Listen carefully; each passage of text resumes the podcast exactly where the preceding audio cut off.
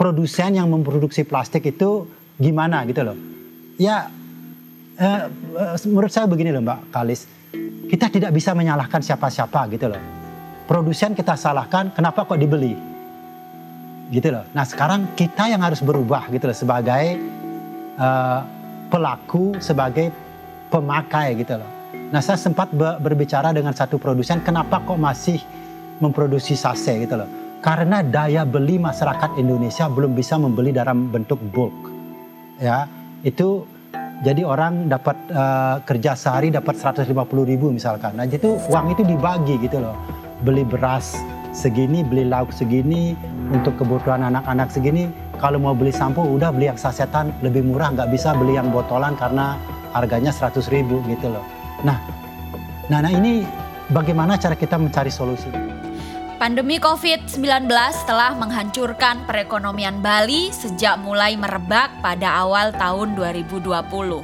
Terpuruknya perekonomian di Bali diakibatkan karena pendapatan sebagian besar masyarakat Bali bergantung pada sektor pariwisata. Terlepas dari banyaknya perhatian terhadap isu-isu kesehatan selama pandemi, ada seorang tokoh dari Tabanan Bali yang cukup unik dengan merespons dampak virus COVID-19 melalui kerja-kerja lingkungan. Ia adalah Made Janur Yasa. Melalui gerakan Plastic Exchange, ia telah membantu lebih dari 200 desa di Bali agar tetap bertahan melawan COVID-19 sekaligus memperhatikan alam sekitarnya. Baginya, membersihkan lingkungan tidak hanya memberi kesejahteraan kepada masyarakat, merawat alam, tetapi juga menemukan kesejatian diri kembali sebagai manusia dan sebagai masyarakat Bali. Bersama saya, Kalis Mardiasih, inilah Polgov Talks.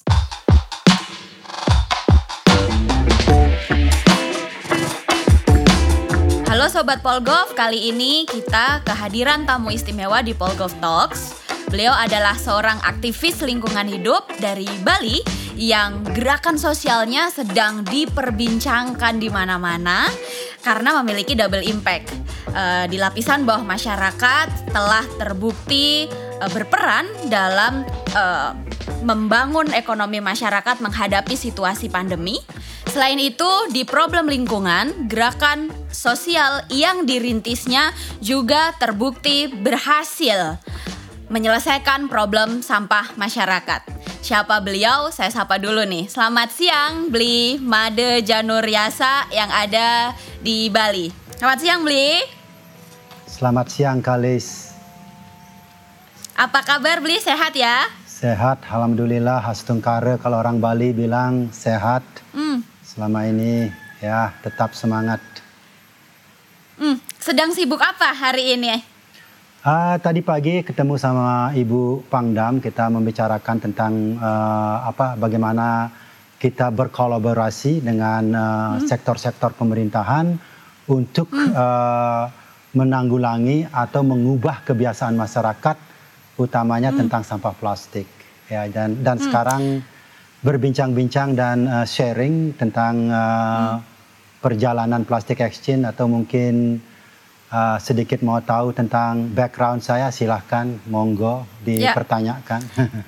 ya, kita nanti akan ngobrol banyak ke situ, tapi sebelumnya kita akan berkenalan dulu gitu ya. Boleh. ya. Uh, Beli Made Januriasa ini konon dinobatkan sebagai satu-satunya orang dari Indonesia sebagai kandidat CNN Heroes di tahun 2021 ini. Gimana beli perasaannya? uh, kalau orang bilang sih uh, uh, pleasantly surprise, artinya senang dan dan surprise gitu lah. Surprise-nya uh, pada saat saya awal mengadakan gerakan ini tidak ada bermaksud atau oh saya akan menjadi hero dan lain sebagainya. Dan yang kedua hmm. adalah ini adalah pengakuan buat kita semua ya, buat uh, masyarakat uh, Bali utamanya yang melakukan ini.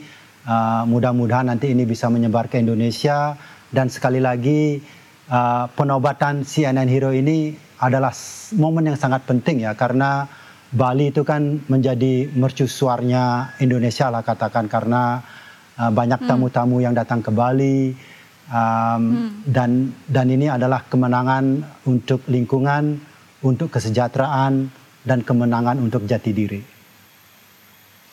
Menarik sekali, kemenangan untuk lingkungan dan kemenangan untuk jati diri. Saya nanti mau explore lebih dalam ke situ. Tapi eh, boleh tahu nggak sih beli dulu eh, masa kecil beli Ma- Made Janur ini lahir di mana, kemudian bertumbuh di desa mana di Bali. Apakah Bali yang dulu dengan Bali yang sekarang sudah berbeda? Terus kemudian lanjut kuliah di mana? Karena konon pandangan Beli Janur terhadap lingkungan itu banyak dibentuk sewaktu kuliah ya. Dan kemudian setelah itu ketika di Amerika selama 15 tahun. Boleh eh, sedikit mendongeng mengenang masa lalu dulu Beli mungkin? Ya, jadi dimulai sejak dulu kala ya. Pada zaman dahulu, saya dilahirkan di uh, desa kecil, uh, namanya uh, Banjar Jangkahan, Desa Batuaji, Kecamatan Keramitan, Tabanan. Jadi itu uh, kira-kira satu jam ke arah barat dari Denpasar ya.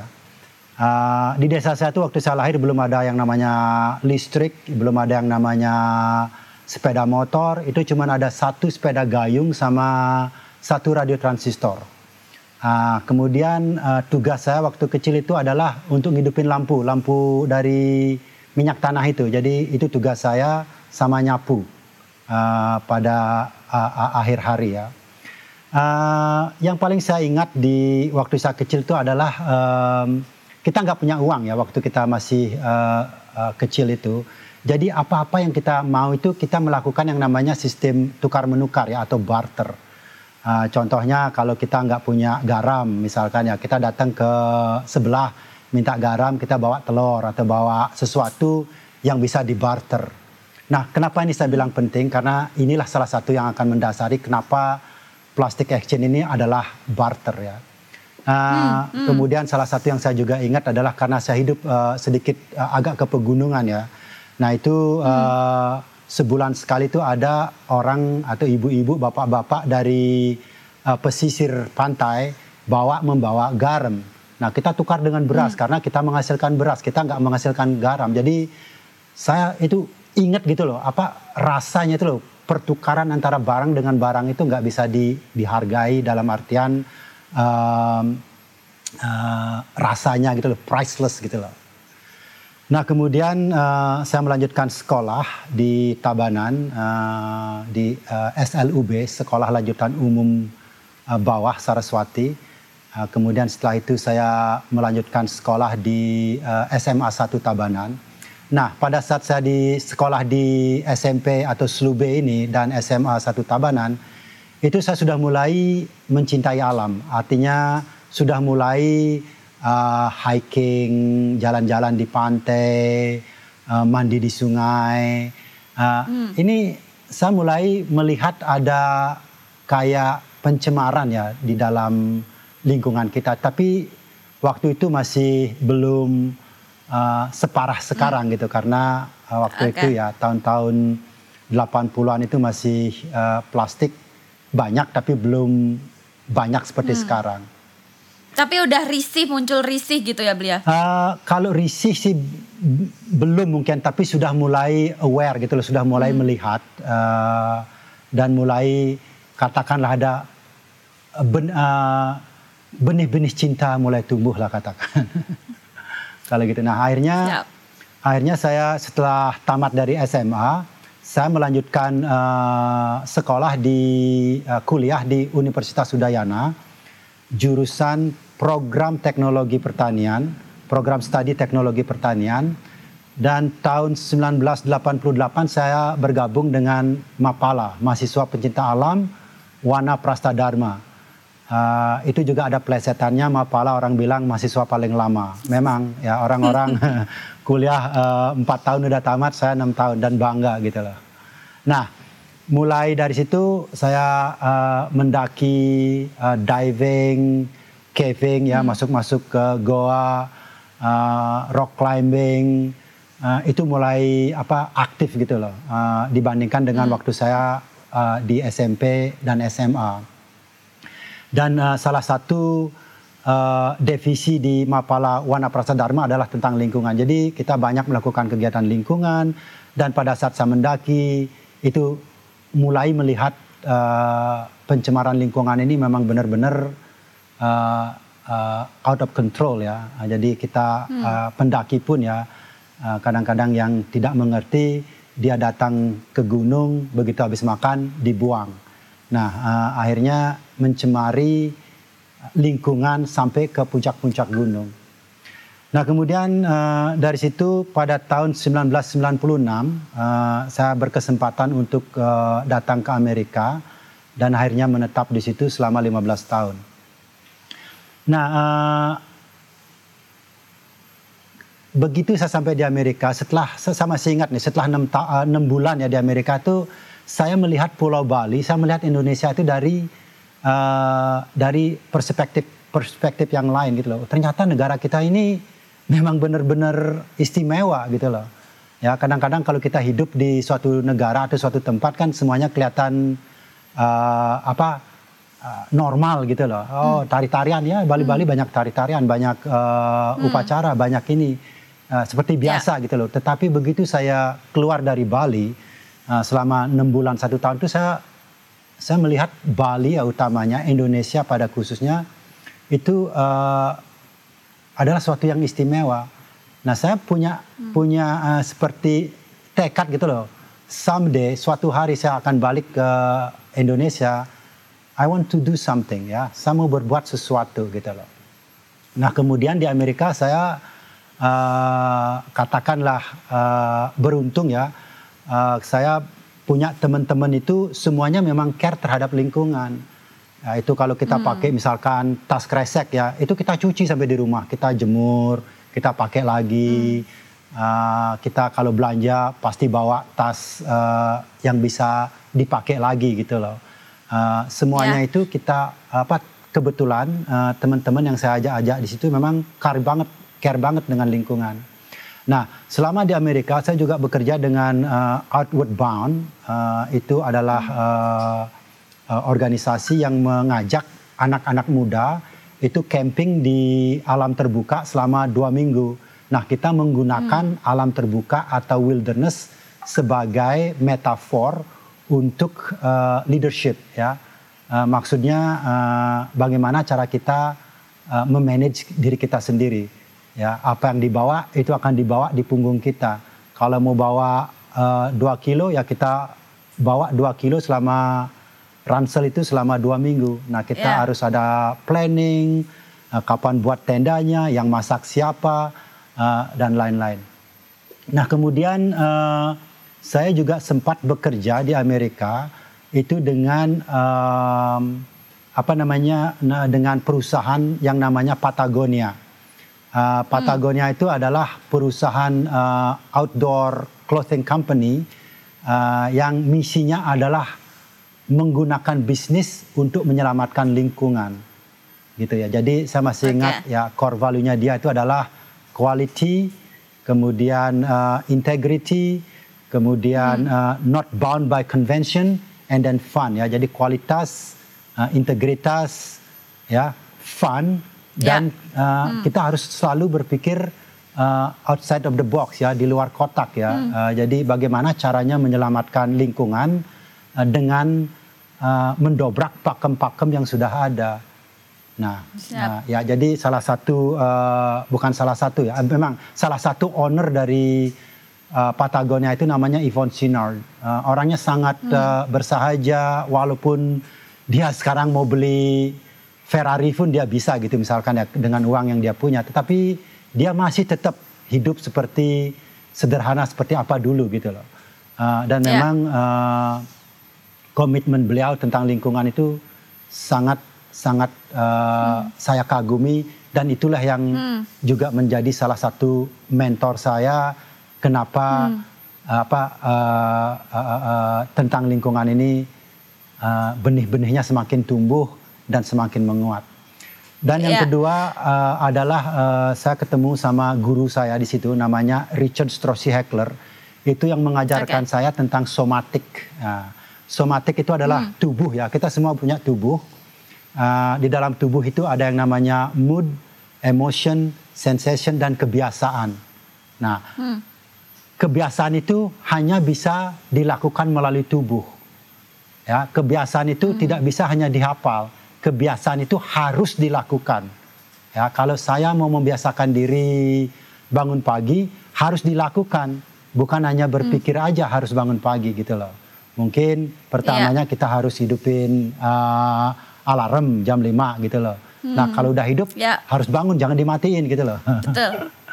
nah, itulah ya, jadi karena tubuh kita tubuh yang pintar ya, Bria Tubuh sebetulnya. kita tubuh yang pintar dan kebiasaan itu bisa dipelajarin. Kita tidak lahir dengan kebiasaan.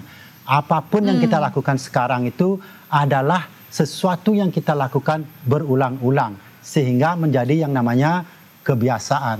Nah, inilah yang saya dapatkan Siap. dari Richard bahwa the only hmm. thing hmm. or the only way that you can change your habit is through action. Uh, teman-teman percaya nggak percaya, saya ada di Jogja, beli janur itu ada di Ubud dan saya merasa saya tiba-tiba uh, diri saya tuh ter, uh, tertarik gitu sampai ke Ubud saat ini. Ini pesonanya kebijaksanaan orang-orang Bali tuh saya jadi mau mengkat pembicaraan itu jadi nggak enak. Tapi beli ngomong-ngomong, tahun berapa beli Janur pulang ke Indonesia? Saya pulang ke Indonesia tahun uh, 2010, uh, awal 2010. Jadi uh, 11 ya. tahun yang lalu ya. Hmm, kemudian langsung menjadi uh, pebisnis ya, punya restoran. Ya, kemudian saya datang ke Bali. Uh, itu saya pertama kerja di uh, healing center. Uh, itu untuk hmm. yoga, untuk uh, kesehatan Nah kemudian oh, okay. di situlah saya ketemu dengan Chef Made, uh, di mana sekarang menjadi bisnis partner saya di uh, restoran uh, Moksa Ubud ya. Jadi kalau rekan-rekan hmm. ada yang datang ke Ubud silahkan di Google Moksa Ubud, hmm. uh, makanannya pokoknya maknyus ya. Siap, ya, siap. Ya. Uh, terkait dengan plastic exchange teman-teman. Jadi Beli Janur ini merintis sebuah gerakan sosial di mana e, masyarakat bisa menukar sampah plastik yang mereka kumpulkan dengan beras. E, kita akan cari tahu tentang gerakan sosial ini beli tetapi dari segala kesadaran beli sejak 18 tahun itu kemudian pulang ke Bali pada tahun 2010 kenapa momentum pandemi itu menjadi satu titik tolak beli untuk memulai sesuatu untuk lingkungan ini? Uh, begini ya, orang bilang di dalam kesulitan ada jalan keluar ya. Inside of the challenge there is a solution.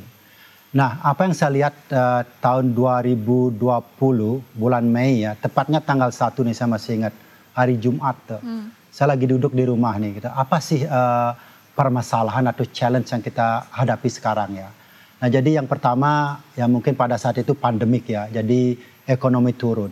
Paling tidak orang butuh makan ya. Nah, yang kedua masalah uh, lingkungan. Uh, utamanya masalah plastik ya. Bukan hanya di Bali saja, bukan hanya di Indonesia aja tetapi di seluruh dunia plastik menjadi suatu dalam tanda kutip momok ya dan jangan jangan salah ya kita itu di Indonesia adalah penyumbang uh, plastik nomor dua di dunia setelah Cina. Nah yang ketiga Betul. adalah uh, jati diri ya. Nah jati diri itu seperti ini. Um, kalau ada yang namanya disaster, ada yang namanya bencana, orang berbondong-bondong membawa yang namanya bantuan ya. Uh, orang hmm. ada yang menerima. Nah yang mau saya tekankan di sini adalah tidak ada salahnya orang memberi, tidak ada salahnya orang yang menerima.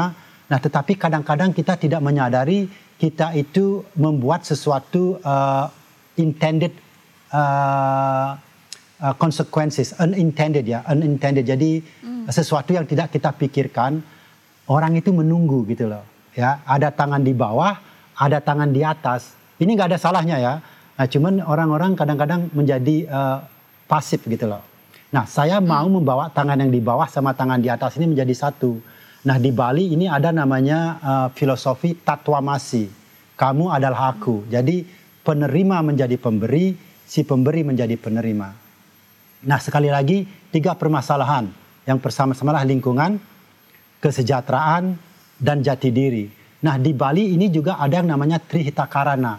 Nah, inilah core value atau roh daripada plastic exchange itu adalah Trihita Karana, hubungan manusia dengan Tuhan itu adalah dignity atau jati diri, hubungan manusia dengan manusia itu adalah kesejahteraan, dan yang terakhir adalah hubungan manusia dengan lingkungan.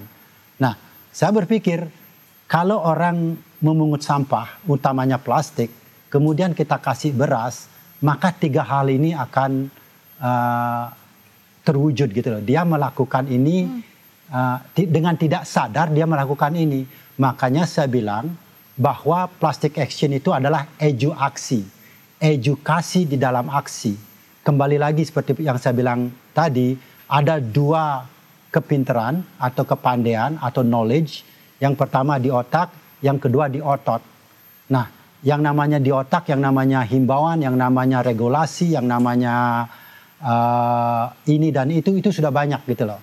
Nah, yang yang tidak banyak itu adalah aksinya. Makanya melalui plastic action ini kita sebut edu aksi atau edu action, hmm. edukasi di dalam aksi. Hmm. Satu kilogram beras harus bawa berapa sampah plastik beli? Nah ini uh, dia harus memilah ya. Kita pilah menjadi hmm. yang pertama itu plastik lembaran. Plastik lembaran itu kayak tas kresek, kayak sase, kayak uh, pembungkus mie instan dan lainnya yang berbentuk lembaran hmm. ya, plastik kiloan. Hmm. Nah, nah itu dia harus bawa 4 kilo untuk mendapatkan satu kilo beras. Kemudian hmm. plastik bentukan uh, itu dari uh, botol air mineral, uh, mungkin dari teh, dari apa yang berbentuk ya, sampo. Nah itu dia harus bawa 6 kilo untuk mendapatkan satu kilo beras. Kemudian ada yang namanya rongsokan ya. Rongsokan itu kayak mainan anak-anak, kayak uh, uh, galon, apa yang besar-besar gitu ya. Nah itu dia harus bawa 8 kilo untuk mendapatkan satu kilogram beras. Nah kenapa yang... Justru yang paling tinggi ya, nilainya yang plastik lembaran ya. Ternyata Kalis orangnya aware ya. saya, mau ngomongin itu kenapa gitu loh. Kenapa? Karena inilah yang tidak mau dipungut sama orang karena nggak ada harganya gitu loh. Nah inilah yang kita kasih uh, nilai paling besar. Nah sekarang bukan permasalahannya, challenge-nya adalah ini. Dia harus bawa 4 kilo mendapatkan satu kilogram beras kan. Nah satu kilo hmm. itu kalau kita jual ke pemulung harganya 200 rupiah. Dia bawa 4 kilo berarti kita dapat uang 800 kan tetapi kita ngasih iya, sepuluh yeah, ribu. Yeah. Nah jadi kita yeah. tekor sembilan ribu dua ratus. Nah tidak apa-apa yeah. karena uh, inilah yang kita mau bersihkan gitu loh. Nah inilah kita hmm. perlu uh, yang namanya donasi, donatur, sumbangan beras uh, dari pemerintah, dari individual, dari perusahaan-perusahaan. Uh, seperti tadi saya berbicara dengan Ibu Pangdam uh, Udayana ya, Pangdam 9 Udayana. Hmm dan beliau sangat-sangat tertarik karena selama ini apa yang dilakukan oleh beliau adalah memberi tanpa ada uh, suatu timbal balik. Nah, alangkah baiknya hmm. kalau ini kita bisa sinergikan karena pada hitung-hitungannya seperti ini Mbak Kalis. Satu kilogram hmm. beras menghidupi empat orang dalam sehari, suami, istri, anak dua ya. Dan dia uh, dari satu kilo beras ini bisa mengumpulkan empat kilo sampah paling kecil loh itu yang yang paling atas tadi. Nah, kalau kita punya beras satu ton, itu kita menghidupi 4.000 orang dan kita mengumpulkan hmm. 4 ton sampah. Ya, luar biasa double impactnya. Triple, triple, bukan double lagi, triple. Uh, Dignity. Ya, yang satu yang mana, Bri? Jati hmm. diri. Okay. Jati diri, lingkungan, sama kesejahteraan. Ya, ya dan itu sebetulnya sampah rumah tangga ya belia yang paling besar ya? Iya, jadi kita itu uh, menanggulangi atau menyelesaikan sampah dari sumbernya. Sumbernya di mana? Hmm. Di rumah tangga. Makanya begitu saya datang ke desa-desa, saya bilang ibu-ibu, bapak-bapak, adik-adik, ya para remaja di sini kalau mau bersih-bersih, bersih-bersih dari rumah. Jangan bersih-bersih dari pantai. Jangan bersih-bersih dari ah. sungai pulang ke rumah. Oke. Okay. Bersihkan dari rumah dulu. Karena ini ada filosofinya juga. Kalau mau membersihkan dunia, bersihkan rumah sendiri. Kalau mau mengubah yeah. orang lain, rubah diri sendiri. Gitu loh. Makanya saya bilang, yeah. Bersihkan dari rumah dulu. Yang pertama, kalau bersihkan satu rumah dua jam aja, kita udah lihat hasilnya kan. Bersih, rapi kan. Nah, kalau kita bersih-bersih di uh, sungai, lima jam itu hmm. belum ada kelihatan hasilnya. Nanti kita pulang, pulang di rumah masih berantakan. Nah, sekarang hmm. kita bersihkan dari rumah dulu.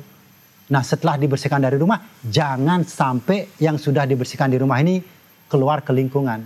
Baru kita ke jalan, ke lingkungan, ke pantai, ke sawah, ke hmm.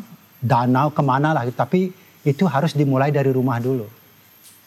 Ya, Beli tahun 2020 itu bagaimana memulai gerakan ini? Apakah pasang pengumuman sendiri atau sudah terorganisir dalam tim atau seperti apa? Nah, pada saat saya punya ide seperti ini, saya uh, telepon uh, keponakan. Kebetulan keponakan uh, gede uh, Laksamana, dia jadi uh, ketua muda-mudi. Uh, hmm. Saya telepon dia dan juga saya telepon uh, kepala desa, kepala Banjar ya, kepala di Bali itu ada yang namanya Banjar ya. Nah itu saya telepon, saya bilang, hei besok saya mau pulang, saya ada ide untuk uh, penukaran sam, uh, plastik dengan beras.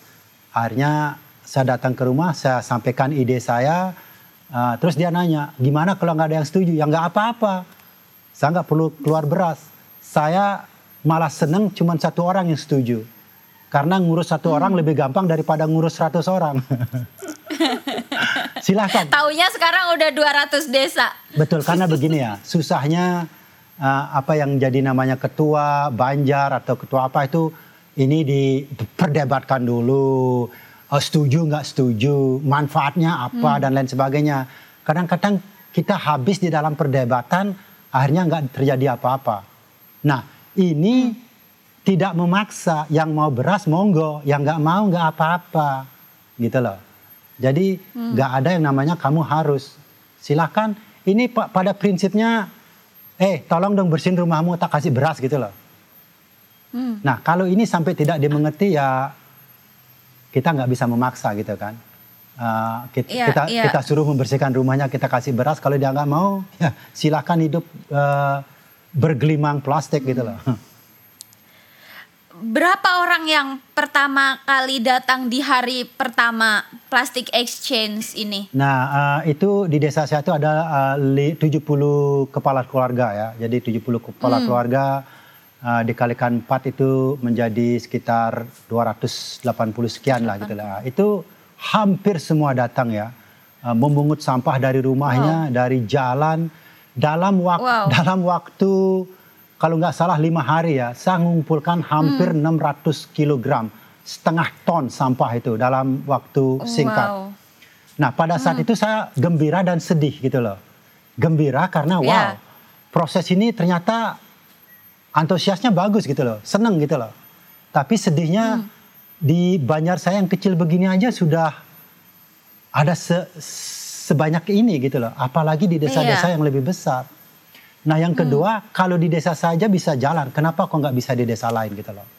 Nah akhirnya Betul. mulailah saya uh, karena saya punya restoran di Ubud di Sayan tepatnya, uh, saya hmm. berbicara dengan uh, kelurahan Sayan di sini.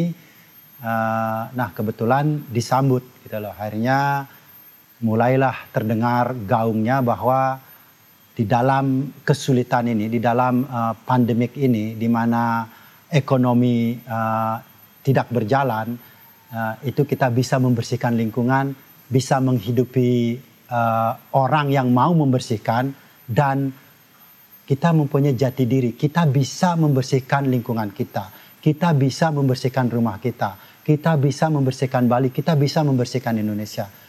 Tapi hmm. kita harus bergandengan tangan ya. Tidak ada ya. satu yang merasa lebih super daripada yang lain. Hmm pada saat itu masyarakat itu datang atas nama beras atau atas nama kesadaran lingkungan beli atas nama Tuhan yang Maha Esa.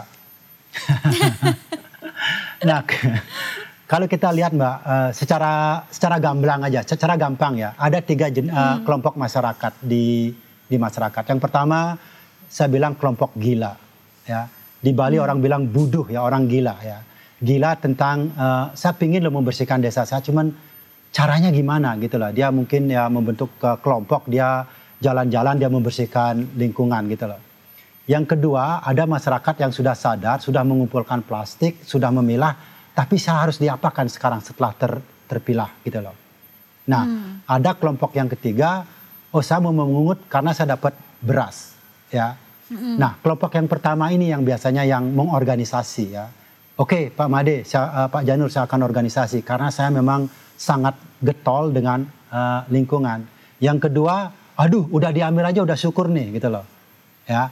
Yang ketiga, wah dapat beras, saya mau bersih-bersih ah gitu loh. Nah, apa pun alasan mereka, apa pun alasan mereka, lama kelamaan karena dia selalu pengulangan ini, maka mau tidak mau habit mereka, kebiasaan mereka akan berubah. Uh, guru saya Richard bilang seperti ini ya, karena saya juga latihan uh, martial art ya. Dia bilang, Janur, kalau kamu mau mengingat gerakan itu harus diulang 100 kali. Untuk mengingat aja loh. Kalau kamu mau gerakan itu sampai ke otot-otot kamu, itu harus diulang seribu kali. Nah, kalau ini mau menjadi kebiasaan, kamu harus ulang sepuluh ribu kali. Nah, kadang-kadang orang Iya. kan bilang ini, Pak, Pak Made atau Pak Janur, 100 kali itu banyak sekali. Ayo kita ber- bermatematika ya, kita belajar di sini. Kalau Anda memungut sampah lima kali aja dalam sehari, memungut sampah lima kali atau tiga kali dalam sehari, dalam satu bulan itu sudah 100 kali. Benar nggak? Ya. Betul. Nah, paling tidak sudah mengingat gerakan. Ya. Nah, di tempat-tempat di desa-desa, di banjar-banjar yang sudah kita lakukan plastic exchange selama 8 bulan satu tahun, itu kebiasaan masyarakat sudah berubah. Memilah itu datang ke rumah-rumahnya terpilah dengan rapi. Nah, kadang-kadang orang bilang merubah kebiasaan itu sulit. Sulit kalau tidak dilakukan. Gitu loh. Ya, beli jangan-jangan kebiasaan untuk bawa tas belanja itu juga harus diulang-ulang dalam 100 bulan ya. 100 kali, 100 Biar nggak kali. Bukan lupa. bukan 100 bulan, 100 kali. Iya. Iya, biar nggak lupa bawa tas belanja itu gitu kan, biar nggak minta tas kresek kan sekarang eh, ta- eh, apa namanya tas kresek berbayar, tapi justru malah berani bayar. Nah, itu. ujungnya nggak bawa tas tapi malah bayar tas kresek. Ini kan jadi dilema juga. Nah, itu menjadi kebiasaan beli- gitu loh. Iya, betul sekali. Eh, dan Beli menyaksikan ya eh, proses belajar itu tuh betul-betul menyaksikan ya Beli sampai hari ini di akhir tahun 2021. Ya, saya, saya, saya melihat ya bisa bisa dibuktikan dan eh, eh, semua yang melakukan kegiatan ini harus ada tiga hal yang dicatat. Yang pertama jati diri, berapa orang yang datang, siapa yang datang. Kemudian yang kedua kesejahteraan, berapa beras yang kita eh, bagikan. Oke. Dan yang ketiga lingkungan, berapa banyak plastik yang kita eh, kumpulkan. Nah, itu dari pertama ya, dari eh, eh, kegiatan pertama. Itu biasanya kurvanya itu naik seperti ini sampai Iya. bulan ke-6, bulan ke-8 itu naik. Nah, setelah bulan Iya. ke-8 ini biasanya turun dan melandai. Kadang-kadang turun, kadang-kadang naik. Nah, ini apa artinya? Pada saat pertama kita mulai dia belum banyak yang dengar. Yang kedua udah mulai, yang ketiga udah mulai, yang keempat dia udah nyari ke lingkungan, ke sawah, Ya. ke ini apa namanya ke sungai dan itu bisa kita lihat dari jenis sampah yang datang apa kayak ada tanahnya dikit. Uh, nah, setelah bulan ke-8 itu memang banyak murni dari rumah tangga. Jadi kita bisa tahu oh ini orang ini makan super mie nih banyak banget nih. Apa ini orang ini makan ini banyak. Jadi seperti kayak detektif gitu ya, kita bisa lihat Iya. dari apa yang dia makan gitu loh. Dan pemilahannya ini yang penting juga ya, karena kalau sampah ini dicampur, siapa yang disuruh memilah gitu loh. Hmm. Ya. Buat saya juga yang lebih luar biasa adalah dalam setahun aja loh beli gerakannya. Sekarang udah di 200 lebih desa, 700 ton beras. Itu apa yang terjadi beli simsalabim ini atau ada berbasis sosial media atau berbasis organisasi-organisasi anak muda secepat itu beli. Ini cepat sekali apa yang terjadi sebetulnya? Eh, sebenarnya kita semua ingin melakukan sesuatu yang terbaik ya, siapa pun ya. Kita semua pada dasarnya di dalam tubuh kita itu di dalam kita itu ada yang namanya saya mau lakukan sesuatu yang terbaik, cuman caranya itu gimana gitu loh. Dan hashtag ya bersama kita bisa ya, bukan ini tidak bisa dilakukan sendiri-sendiri. Nah seperti sekarang ini misalkan eh, tukar pikiran atau wawancara apalah yang kita katakan seperti sekarang ini, ini adalah salah satu untuk menggaungkan eh, kegiatan ini. Ini kegiatan ini nggak ada yang punya, bukan punya saya gitu. Ini kita punya bersama. Nah, apa yang saya lakukan misi daripada Plastic Exchange itu adalah untuk memberdayakan masyarakat mengubah kebiasaannya melalui barter system ya penukaran ini uh, dengan mengumpulkan barang-barang non organik dengan beras untuk ya kesejahteraan jati diri dan kebersihan lingkungan. Jadi uh, kata kuncinya adalah sustainability berkelanjutan untuk mem, hmm. me, memberdayakan ya jadi me, uh, empowerment ya uh, karena hmm Uh, misalkan seperti ini Mbak Kalis, di misalkan salah satu desa yang sudah melakukan satu tahun ya. Kalau saya sekarang jalan di desa itu nggak ada yang kenal sama saya, nggak ada yang tahu oh ini Pak Janur gitu nggak ya. Tetapi dia tahu siapa yang melakukan plastik action di desa itu. Nah inilah yang apa namanya yang namanya leader-leader muda siapa pun orang-orang gila ini yang yeah, yeah. yang kelihatan yang memang benar-benar uh, mengorganisasi. Nah Hmm. Saya itu nggak punya organisasi yang namanya berapa anggota saya nggak punya. Kenapa? Karena organisasi itu sudah ada seperti organisasi pemuda, organisasi hmm. ibu-ibu, hmm. organisasi Banjar, organisasi Suba, organisasi keagamaan. Nah inilah yang kita berdayakan, gitu loh. Nah kenapa ini gaungnya cepat? Kenapa ini bisa uh, menjadi bagian kita dari semua? Karena saya membuatnya seperti itu. Ini adalah bagian kita. Gitu loh. Sampahmu tanggung jawabmu, sampahku tanggung jawabku. Ya. Beli ngomong-ngomong tentang filosofi Trihita Karana yang juga jadi daya dorong beli dalam gerakan ini. Saya biasanya cuma nonton tulisannya tuh di bandara beli. Boleh kasih pengetahuan ke kita semua tentang Trihita Karana beli? jadi Trita Karana itu kan uh, Tri itu tiga ya. Hita itu adalah kebahagiaan, Karana itu adalah jalan atau sebab. Uh, jadi ada tiga jalan atau sebab yang menyebabkan kita bahagia. Nah kalau tiga ini sudah harmonis, uh, balance, maka kita hidup itu akan uh, selaras ya. Nah yang pertama adalah keseimbangan antara hubungan manusia dengan Tuhan ya. Nah inilah yang namanya jati diri ya kalau mau jati diri ini di tubuh kita ini ada nih, nih yang namanya uh, vertikal ya. Nah kalau orang kayak gini kan nggak ada yang namanya jati diri ya. Nah tapi kalau gini duduknya sudah apa mantap gini, ini jati diri ya. Kita merasa seneng gitu loh. Ya. Yang kedua adalah keharmonisan hubungan manusia dengan manusia itu adalah kesejahteraan. Jadi ini ya, ini ini adalah hubungan manusia dengan manusia. Ya, kenapa hmm. dunia tidak sejahtera? Karena hubungan manusia dengan manusia tidak harmonis.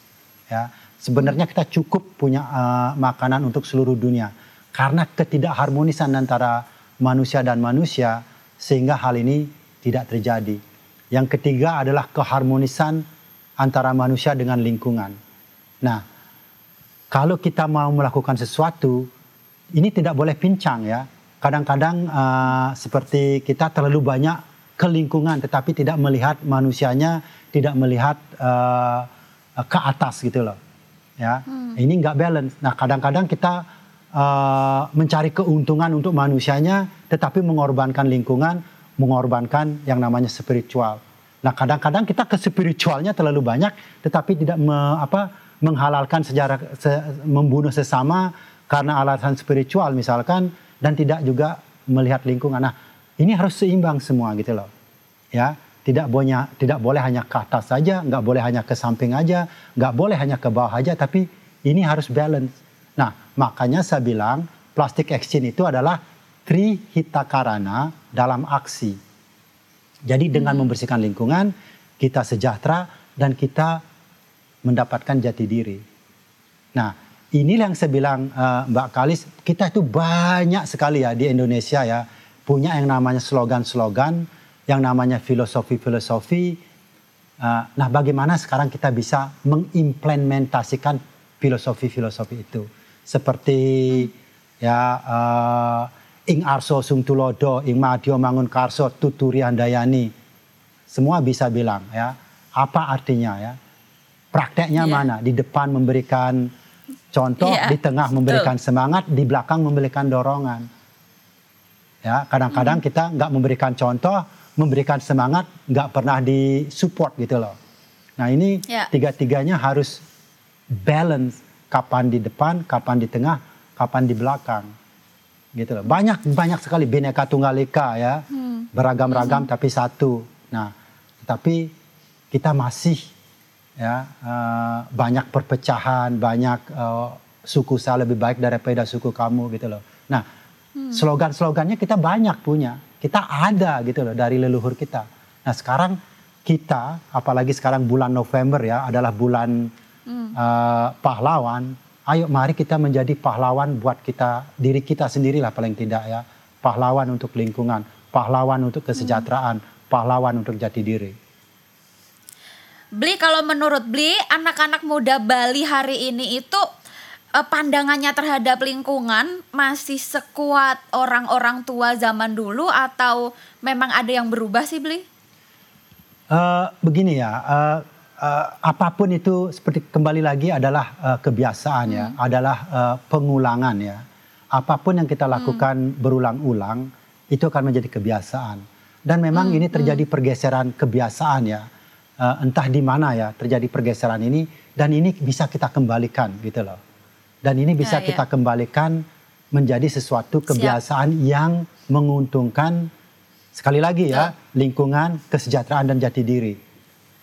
Jadi pandangannya juga harus optimis ini sebetulnya ya Beli. Ya. Keresahan itu ada tapi pandangannya tetap harus optimis.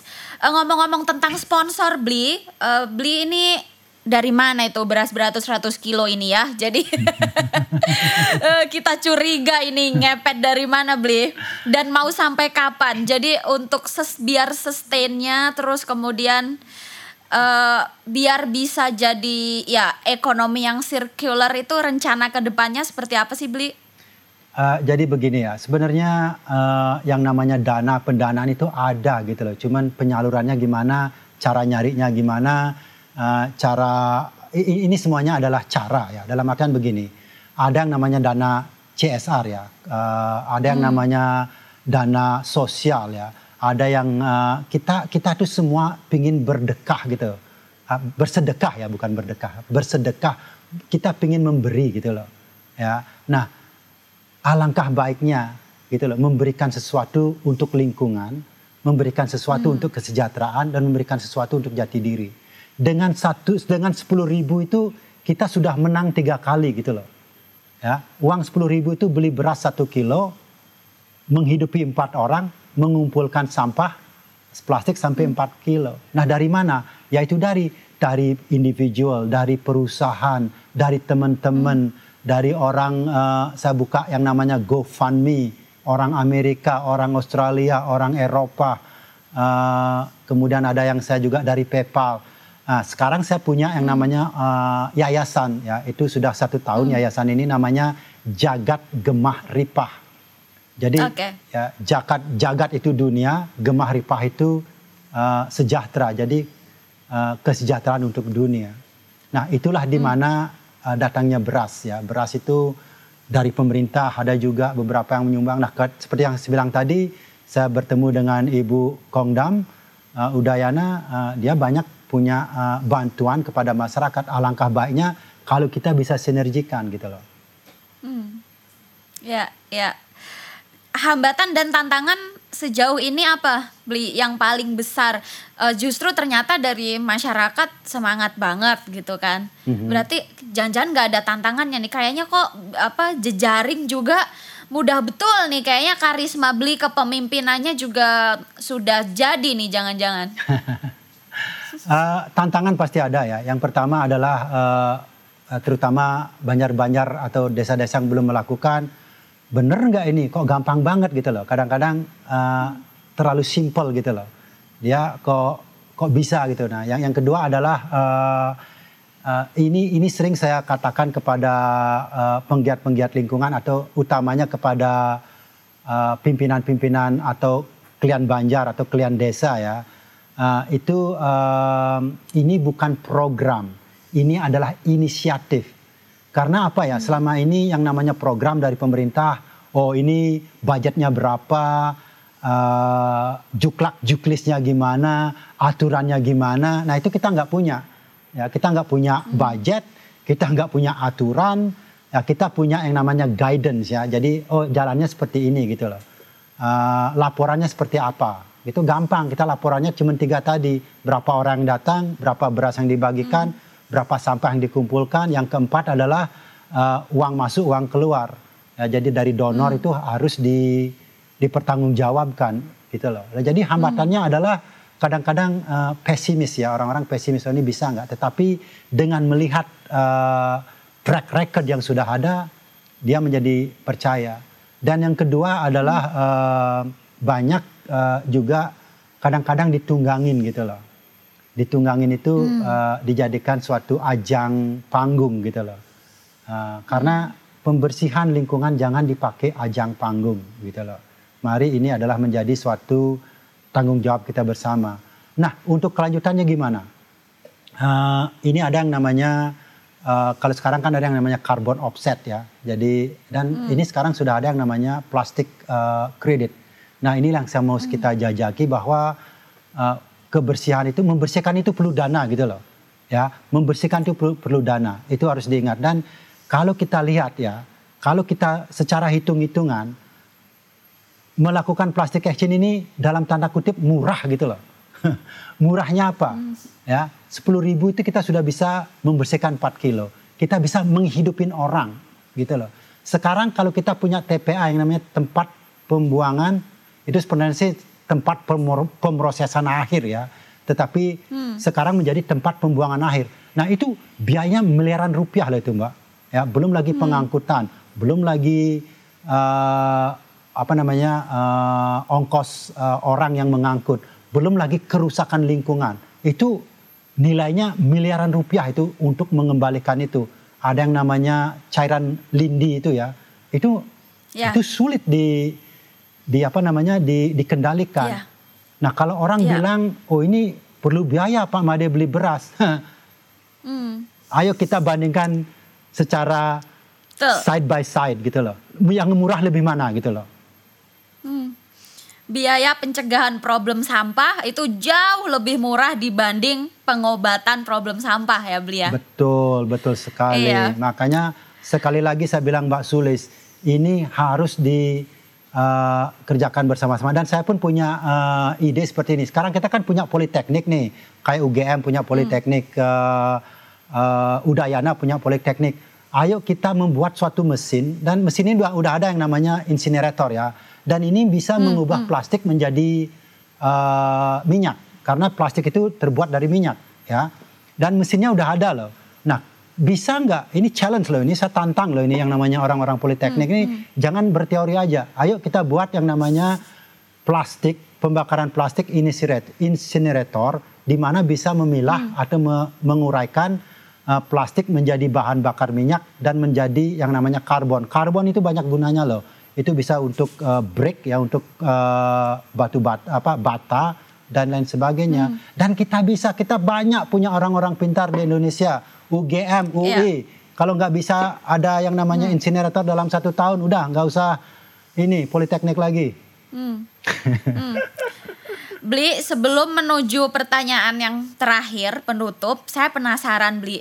Yang datang itu sebetulnya masyarakat hmm. yang uh, butuh uang dalam tanda kutip atau uh, bisa dianalisis nggak sih beli itu atau jangan-jangan mereka yang uh, pelaku sektor industri yang sebetulnya memproduksi lebih banyak sampah gitu mereka uh, tidak mengalami perubahan perilaku tetapi hanya di lapis-lapis uh, tertentu saja. Uh, apa yang saya lihat ya itu tidak ada itu dari hmm. yang kaya bilanglah katakan uh, secara ekonomi ya dari yang hmm. tingkat ekonominya atas sampai bawah semua ya katakanlah hmm. yang dari umur dari tua sampai yang kecil ini ada orang tua nih di desa namanya Banjar Abasan ya uh, dekatnya Sukawati uh, di mana di pasar seni itu orang tua ini Mbak Kalis sudah nggak bisa jalan hmm. jalannya pun apa kayak gini gitu loh tetapi di dalam hmm. satu bulan dia membawa uh, apa namanya beras 3 sampai 35 kilo dia bawa beras pulang Nah, luar biasa. Saya tanya biasa. ini Mbah Klepon ya namanya Mbah ya, Mbah Klepon. Ini hmm. saya lihat nih paling banyak terus nih bawa beras pulang nih apa sebenarnya gitu loh. Dia bilang, yeah. Iya. Pak Janur, terima kasih udah ngadakan plastik exchange. Dulu saya itu di rumah nunggu, duduk aja, makan, tidur, apa nggak ada semangat hidup gitu loh. Udah mau nunggu mati Hmm, aja gitu loh. Nah sekarang dengan adanya plastic exchange saya bangun jam 6 itu saya Hmm. mengutin sampah keliling eh, desa. Nah, saya dapat olahraga. Nah, saya sekarang sehat. Nah sekarang Hmm. Ya, nah, luar biasa. di samping sehat Hmm. dapat beras gitu loh. Nah jadi ini yang saya bilang jati diri orang yang dulu nggak punya semangat hidup sekarang punya Ya. semangat hidup. Nah kemarin ini ada di desa Tengkulak namanya ya dekat uh, Gua Gajah itu anak-anak nih umur-umur 7 tahun 5 tahun itu empat orang bawa sampah nih ya berbondong-bondong. Saya lihat sampahnya wah ini sampahnya ini sampah dari apa dari lingkungan dikit, ada yang dari rumah tangga. Nah itu saya tanya, eh, ini dapat sampah dari mana? Cantik-cantik kok bawa sampah. Ya demi lingkungan, saya bangga, saya bisa gini gitu loh. Nah terus nanti dapat beras mau diapain? Mau saya jual ke ibu katanya.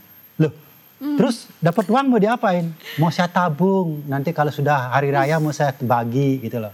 Nah Oke. I- Ini kan eh, apa pun alasannya seperti saya bilang tadi, sekarang dia sudah mulai memungut, sudah mulai eh, aware bahwa sekarang plastik itu kelihatan gitu loh. Dulu kalau nggak ada gini, plastik diinjak pun nggak kelihatan gitu. Sekarang sudah mulai matanya itu sudah mulai eh, terlatih untuk melihat eh, yang namanya Iya. plastik. Nah ke- pertanyaannya tadi, produsen yang memproduksi plastik itu gimana gitu loh?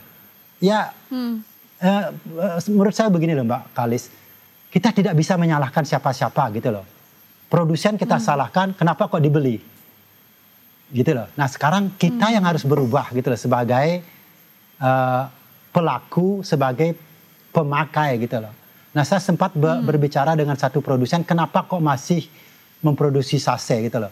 Karena daya beli masyarakat Indonesia belum bisa membeli dalam bentuk bulk ya itu jadi orang dapat eh, kerja sehari dapat 150 ribu misalkan nah itu uang itu dibagi gitu loh beli beras segini beli lauk segini untuk kebutuhan anak-anak segini kalau mau beli sampo udah beli yang sasetan lebih murah nggak bisa beli yang botolan karena harganya 100 ribu Iya, gitu iya. loh nah Iya, iya. Nah, nah ini bagaimana cara kita mencari solusinya? Mungkin kita adakan yang namanya uh, di di desa-desa itu kita apa kayak uh, bulk gitu loh. Jadi kita oh, kita sediakan suatu tempat orang bisa membeli sedikit itu. Saya saya nggak tahu lah, tapi uh, uh, mungkin kalau kita belum bisa sampai di sana, apa yang bisa kita lakukan? Apa yang bisa saya lakukan adalah merubah kebiasaan masyarakat ya dari dia membuang sembarangan menjadi tidak membuang, malah memungut dan memilah.